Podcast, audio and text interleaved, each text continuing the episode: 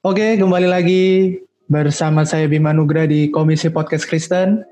Nah, di episode kedua cerita anak seminar ini, kita akan kembali mendengarkan sharing kesaksian gitu. Berbagi pengalaman tentang panggilan menjadi hamba Tuhan. Nah, di episode kedua dari cerita anak seminar ini, saya sudah punya satu narasumber baru, di teman saya juga di saat ada Jason yang sudah terhubung di lewat Zoom. Halo Sen, coba perkenalkan dulu di dulu diri kamu. Halo. Nah, silakan Sen, lanjut. Perkenalkan, perkenalkan nama saya Jason. Uh, saya temannya Bima dari ST Saat. Sama-sama baru tingkat satu dan sekarang menempuh semester yang kedua. Ya, Mungkin segitu kali ya Bim. Asal-asal dari mana? Oh iya. Asal saya asal dari Jakarta. Umur Wah. kali ya, umur 18. Wah, mantap. Masih muda nih. Oke, udah San? Udah, udah. Nah, sebelum masuk lebih lanjut di podcast ini, saya akan bacakan di Galatia 1 ayat 15 sampai 16 untuk ya mungkin teman-teman sedang bergumul kiranya ayat ini bisa menolong kita di bawah perikop bagaimana Paulus menjadi rasul. Tapi waktu ia yang telah memilih aku sejak kandungan ibuku dan memanggil aku oleh kasih karunia-Nya, berkenan menyatakan anaknya di dalam aku, supaya aku memberitakan dia di antara bangsa-bangsa bukan Yahudi, maka sesaat pun aku tidak meminta pertimbangan kepada manusia. Jadi ya semoga ini menguatkan kita yang memiliki yang mungkin sedang bergumul dengan panggilan kita menjadi hamba Tuhan, nah, percayalah bahwa panggilan itu unik dan Tuhan sudah menetapkan kita sejak dari kandungan ibu kita gitu. Nah kita langsung masuk nih ke bagaimana panggilan kamu San untuk menjadi hamba Tuhan sampai akhirnya bisa masuk di STT saat. Silakan San. Oke, okay, uh, eh, ceritanya mungkin dimulai ketika uh, mungkin waktu papa mulai meninggal di umur aku 4 tahun. Dan di sana uh, mungkin kondisi mama juga sangat depresi ya karena ditinggal papa. Dan aku sekolah menjadi anak yang bandel juga karena kekurangan sosok papa. Aku nakal banget bahkan sampai guru tuh pernah bilang uh, aku nih anak bener nakal dan nyusahin banget terus mamaku juga sempet nangis gitu ya karena ini masih waktu aku masih SD ya karena aku sering banget dipanggil. Sampai mama aku bilang kalau sampai ada kamu ada masalah lagi mama udah nggak mau datang karena kamu terlalu banyak bikin masalah jadi aku uh, anak yang cukup nakal dulu kehidupan aku berlanjut. Sampai suatu ketika aku masuk SMP Nah di SMP itu pun aku tetap nakal seperti biasa, uh, sering berantem, membuat onar dan macam-macam gitu. Nah sampai ada satu ketika di kelas 1 SMP ada kejadian yang cukup menarik nih ya. Ini sampai guru-guru benci banget sama aku. Jadi aku itu tujuannya mau ngebunuh ikan untuk praktek biologi. Nah tapi karena aku nggak mau disalahin, aku ajak teman-teman aku dan aku juga kebetulan gak berani karena megang ikan sapu-sapu kan. Karena ikan sapu-sapu kan bentuknya aneh gitu loh nah, terus? Jadi karena gak berani aku manggil temanku. Aku panggil satu teman. Tolong uh, ngasih ini ikan yang jelek ini aku bilang. Kasih tinta ke atau kasih batu ke terus teman aku yang berani kasih tinta kasih batu. Pokoknya akhirnya singkat cerita itu ikan mati. Nah terus ketahuan kan sama guru dan terus setelah diselidiki biangnya ternyata kepalanya aku. Gitu jadi saking nakalnya aku dan ya memang kada, pada saat itu aku nggak berani juga. Uh, ya udah jadi aku ngajak orang-orang banyak sampai di depan tuh di dihukum 11 orang mungkin ada lagi. Cowok-cowok. Hmm, hmm, hmm. oke okay, oke. Okay. nah jadi sampai satu ketika ada satu, ada satu ajang retret bisa dibilang lah ya. Hmm. di satu KKR di retret SMP gitu seorang guru guru fisika dia hmm. bilang uh, bahwa terus untuk melayani Tuhan itu bukan hal yang sia-sia. Ya itulah dia bilang. Terus sampai suatu kali aku tergerak gitu. Tapi karena aku bagiku aneh KKR itu ngapain harus maju-maju gitu. Jadi aku diam aja. Gitu. terus singkat cerita lagi aku kan sering ikut retret juga gitu. Tapi aku nggak pernah maju kalau KKR setiap kali ada pembicaraan tentang hal itu aku tidak mau maju karena aku pikir ah paling juga cuma emosi semata Maksudnya Jadi aku lebih ya, pang, bukan uh, ke orang yang ekspresif gitu loh Bip. Disuruh maju menyerahkan diri jadi hamba iya, Tuhan. Iya, untuk merespon ya, untuk merespon. Nah aku bilang ya aku tergerak sih sebenarnya, cuman aku nggak mau maju gitu. Sampai satu ketika uh, ada retret di seminari kita Bip. Seminari STT saat tempat kita bersekolah sekarang. Oke. Okay. Nah, di sana aku ikut retret waktu itu tahun 2017 dan yang mimpin KKR itu adalah suaminya dosen metode mengajar kita bi uh, Pak Beni Pak Beni Solihin betul Pak Beni Solihin oke okay. nah, pada saat itu sama tetap apa aku merasa ya tergerak sih cuman buat apa maju gitu. Terus akhirnya aku karena suasana ribuan orang yang sangat mendukung itu aku semakin mengeraskan hatiku bisa dibilang. Dalam tanda kutip ya kayak ah ini mah karena orangnya banyak aja suasana jadi begini. Aku sempat mikir begini. Aku maju juga Terus, loh itu San. Sehingga iya, 2013 aku maju juga nah mungkin kita nggak sadar belum ketemu jadi kau iya. sebelah aku Bim. Lanjut lanjut lanjut. Nah aku mengeraskan hatiku bisa dibilang nah aku duduk gitu ya duduk tetap diem terus bahkan aku nundukin kepalaku dan aku merem gitu bodoh amat gak mau maju gitu karena aku tetap bersikap tuh gitu pasti cuman sekedar uh, apa kayak perasaan. atmosfer doang nah. iya perasaan oke okay. nah, jadi kayak udah gak mau ah tapi semakin aku gak mau kayak apa ya ya mungkin ada sebagian orang nggak percaya seperti ini ya kayak ya aku bukan berasal dari gereja karismatik juga, jadi aku cukup aneh dengan kata-kata seperti itu. Jadi kayak misalkan ada di pikiranku sesuatu yang mendorong aku untuk maju gitu gitu. Ya mungkin ada beberapa orang bilang ini lebay sih. Cuman ya aku sendiri yang mengalami itu gitu. Oh. Ada yang meyakinkan aku apa salahnya maju gitu. Oh oke okay, oke okay, oke. Okay. Kan sebelumnya aku punya pemikiran kalau saya mau jadi hamba Tuhan masa harus maju gitu. Jadi oh ngerti-ngerti. Ini ngapain maju gitu kan? Kan itu kayak nggak penting gitu kan menurut kamu dulu kan? Iya. Tapi ternyata Betul. ada yang ada yang menggerakkan untuk maju uh, tetap. Justru dia mengubah pikiranku apa salahnya maju gitu. Itu sebuah langkah komitmen gitu. Maksudnya yang akan mengingatkan kamu seumur hidup gitu loh. Maksud di KKR itu bukan sekedar mau menunjukkan ke orang-orang atau uh, mau menyombongkan diri kita maju gitu. Tapi itu sebagai apa ya bisa disebut marker gitu ya hmm. kayak tanda yang bahkan bakal mengingatkan kita berkali-kali gitu oh iya dengan gue maju ini uh, eh, gue akan ingat selalu bahwa gue pernah maju dan sebagai tanda perjanjian kita dengan Tuhan gitu loh gitu. Oh, oke oke oke. Ngerti ngerti. Jadi pada saat itu ya dengan malu-malu malahan itu KKR kan udah mau ditutup ya. Ayo siapa lagi siapa lagi gitu. Nah aku dan paling terakhir. Jadi aku berasa kayaknya turun cuma aku gitu oh oke. Okay. nah ini Sen kan udah nih 2017 kayak jadi starting point gitu kan untuk panggilan ini. Terus bagaimana kamu meyakinkan ini sampai akhirnya 2019 bisa masuk ke saat gitu? Wah itu perjalanan yang sangat sulit.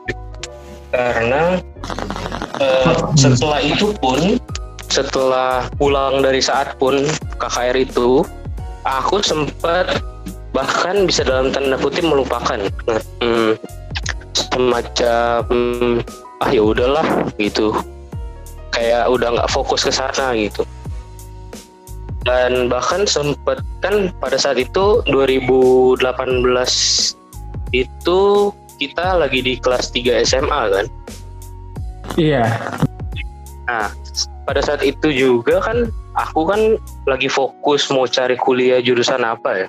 Nah, itu bener-bener uh, menghilangkan fokus aku ke tentang panggilan Tuhan ini. Oh, oke. Okay. Jadi kayak akhirnya aku fokus nyari gaji dari pekerjaan yang tinggi. Gitu. Terus ya gitulah Bim. Hmm. Manusiawi. Iya betul betul. nah, aku fokus nyari misalkan kayak aku kan IPS ya. Jadi aku kayak searching searching gitu. Oh jurusan pertambangan oke okay nih gitu. Gitu gitulah sampai satu ketika uh, karena aku suka makan ya suka kuliner gitu. Jadi aku nonton TV dan nemuin presenter makan tuh enak gitu. Jadi aku mau ambil jurusan presenter. Nah udah tuh sepertinya udah yakin mantep banget benar-benar aku yakin udah mau masuk inilah bahkan aku udah bilang sama mamaku gitu mau masuk sini gitu. terus uh, sampai suatu ketika ujian nasional selesai dan aku tuh udah siap banget mau masuk ke universitas tentang presenting ini nah tapi uh, suatu ketika uh, firman Tuhan ngingetin aku lagi tanpa aku sadari semua jadi kurang lebih hari Jumat Sabtu Minggu. Jadi Jumat aku lagi main gitar atau apa-apa gitu. Aku juga kurang inget. Terus tiba-tiba aku keinget oh iya dulu pernah ke saat terus pernah pengen jadi hamba Tuhan. Terus hari Sabtu kan ada komsel gitu ya. Terus di komsel itu aku juga inget lagi yang hari Jumat. Terus hari Minggu khotbahnya tentang respon firman gitu eh respon iman dan melangkah menjadi awal Tuhan. Terus aku bilang kok bisa tiga hari dihajar kayak gini? Gitu. Terus ya oh. ya karena aku orangnya mudah mudah bertanya-tanya gitu kalau ada sesuatu yang unik dalam hidupku jadi aku memusatkan perhatianku pada tiga hari itu. Maksudnya apa sih yang pengen Tuhan omongin dalam tiga hari kenapa ngomongnya soal itu. So kira aku karena memang kebiasaanku main gitar sambil nyanyi gitu ya. Jadi semakin ingatin aku lagi. Itu momen di mana aku maju. Makanya aku berani bilang tadi di awal momen maju itu merupakan kayak marker tanda yang bisa dibilang disimpan di dalam otak lu. Oke okay, oke. Okay. ini uh, suatu insights yang menarik nih tentang bagaimana maju di sebuah KKR atau retreat begitu yang berhubungan dengan panggilan ini ternyata bisa Tuhan pakai untuk mengingatkan kita selalu gitu ya Zan ya? Akan betul. panggilan yang jadi tanda. betul. Ya betul betul. Ini salah satu jadi nggak cuma sekedar maju sih kalau gitu. betul ya. Tidak hanya sekedar maju. Dan Tuhan bisa memakai itu untuk terus mengingatkan kita. Nah sekarang ini udah masuk kan nih di di sekolah teologi kan di saat. Nah uh, apa sih yang kamu suka dan tidak suka ketika belajar teologi gitu? Ketika udah masuk sekolah Alkitab udah masuk STT apa sih yang kamu nggak suka dan suka Zan bisa sharing lah dikit. Mungkin yang dimulainya dari yang disuka dulu kali ya. Ya apa nih? Nah yang disuka itu karena begitu masuk nih ya. Oh, aku senang karena ceweknya Zan Gue bukan. lanjut lanjut. Enggak enggak. Begitu masuk kan kita uh, kalau masih baru ini kan bim tidur di bangsal ya ah. rame-rame gitu. Nah aku tuh begitu kenalan, begitu kenalan aku sangat merasa wah gimana banget ya apa kayak orang dari berbagai dari ya bisa dibilang Sabang sampai Merauke itu berkumpul di sini untuk belajar bersama-sama. Nah itu jadi sebuah apa ya kayak wah gila Tuhan uh, semacam pekerjaannya sangat luas gitu nggak cuman di kota-kota besar bahkan aku lihat ada teman-teman kita yang dari kota-kota kecil juga uh, ada di situ bareng-bareng sama kita gitu. Nah terus habis itu setelah mulai masuk pembelajaran juga aku suka karena ternyata dosen saat itu baik-baik ya gitu. Okay. Terus kayak yang aku suka lagi terutama lingkungan saat itu sangat mendukung sekali sih uh. untuk ah. kita renungan karena aku suka renungan di taman pagi-pagi gitu kan. Nah itu sangat mendukung karena udara sejuk, banyak tumbuhan. Terus di awal-awal pelajarannya sih masih bisa diikutin ya, tapi sejak semester kedua ini, nah ini udah langsung masuk ke bagian tidak disukai ya. yang semester kedua ini uh, uh, kayak pelajaran ternyata nggak semudah di semester satu gitu. Terus kalau nggak disukai lagi mungkin itu karena aku sebelum masuk itu suka uh, di kamar main gitar. Nah terus tiba-tiba dapat teman kamar yang itu bukan yang nggak bisa sih. Ya, karena kan kita hidup bareng-bareng juga, jadi aku harus lebih mengerti itu. Terus habis itu aku uh, juga suka pelihara binatang. Jadi begitu masuk sana tuh ya aku kurang sukanya karena aku tidak bisa menyalurkan hobiku di sana gitu. Tapi ya aku sadar sih itu resiko ketika kita mau memilih melangkah ke ya seminari ya, tapi tapi kan udah bisa kan udah bisa piara bisa, kan sekarang Iya, aku bikin akuarium sih di kampus. cupang kan bisa cupang. Bisa. Kalau anjing mungkin nggak bisa lah. Ini kan ini bisa, binatang-binatang iya. kecil aja ya nggak apa-apa. Tapi uh, terbantu sih karena di saat kan asrama ada kolam ya. Jadi itu sangat wah refreshing. Nah, betul betul. Lumayan lah ya walaupun cuma satu gitu kecil. Iya, walaupun uh, kecil di bawah tapi cukup menghibur karena aku suka lihat ikan berenang itu kayak merilekskan mata. Oke oke. Okay, Nah lanjut nih. Uh, mungkin sharing lah. Pelajaran yang susah di, di teologi apa Zan? Mata kuliah buat kamu? Sebutin Menurut aja. Aku yang susah itu Yunani. Oke okay, Yunani. Kalau yang suka, yang paling kamu suka, yang paling gampang menurut kamu atau gimana? Yang paling aku suka itu adalah pelajaran PL. Karena memang aku suka cerita-cerita dan gaya-gaya bahasa di perjanjian lama sih. Jadi uh, cukup menarik sebenarnya. Jadi kayak aku suka gitu. Terus apalagi dosennya itu wah keren lah ya. Bapak Rektor kita Pak Martus. Pak Martus. Jadi PL, juga PL yang kamu juga. PL PL tuh hmm, perjanjian lama apalagi ya? PL itu kan iya perjanjian lama itu kan banyak. Apa sih kayak bisa dalam dalam tanda kutip bisa dibilang misteri gitu ya. Oh ya benar. Jadi aku suka tuh hal-hal yang seperti itu. Nah, jadi apa ya aku cenderung suka ke sana. Nah tapi nggak cuma PL Bim, yang kedua aku suka PB juga ternyata. Oh. Tapi nggak tahu sih apakah karena dosen kita ngajarnya ini ya.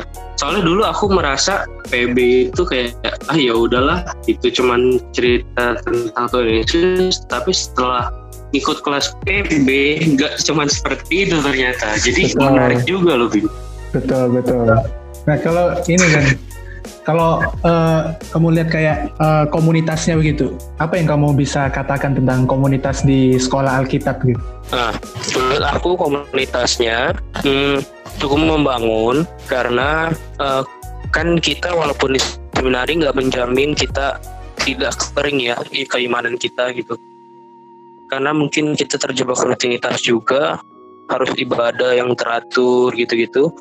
Nah, jadi sehingga kita beberapa orang yang merasa kering ini tuh kayak berkumpul bikin semacam kelompok kecil membahas tentang firman berdoa dan segala macamnya gitu loh jadi menurut aku cukup membangun cukup membangun itu sih oke okay. mm -mm.